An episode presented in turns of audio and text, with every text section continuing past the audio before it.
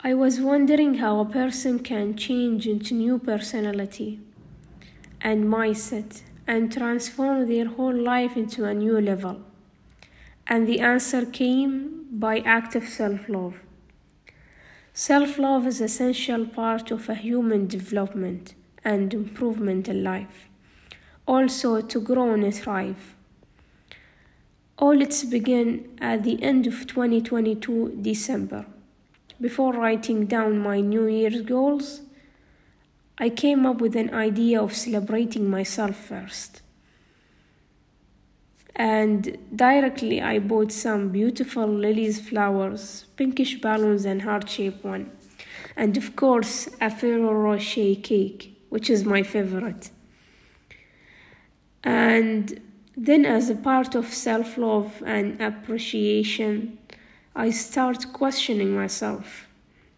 Look how far you have came Observe how many battles you have fought for, and how many times you have decided to stand up after falling down couple of times.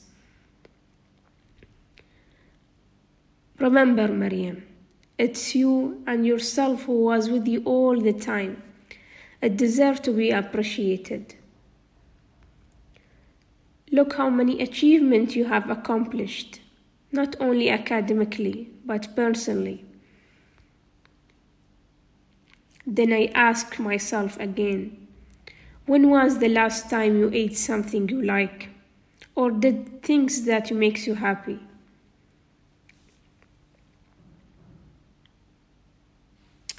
And for that, it can be taking care of your body and skin, buying yourself a gift, flowers, chocolate, anything for no reason. It can be also sitting without doing absolutely nothing but for the sake of your mental health. In terms of relationship, setting a clear boundaries with other can be an act of self-love. Taking a step into therapy, educating yourself all the time, giving your time for who cares and listen to your needs.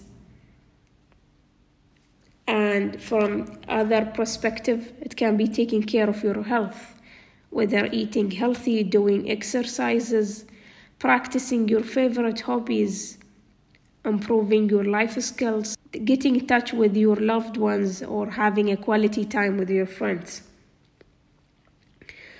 And what I did is that I have played some games in the public park after a really long time, especially the swing turning game.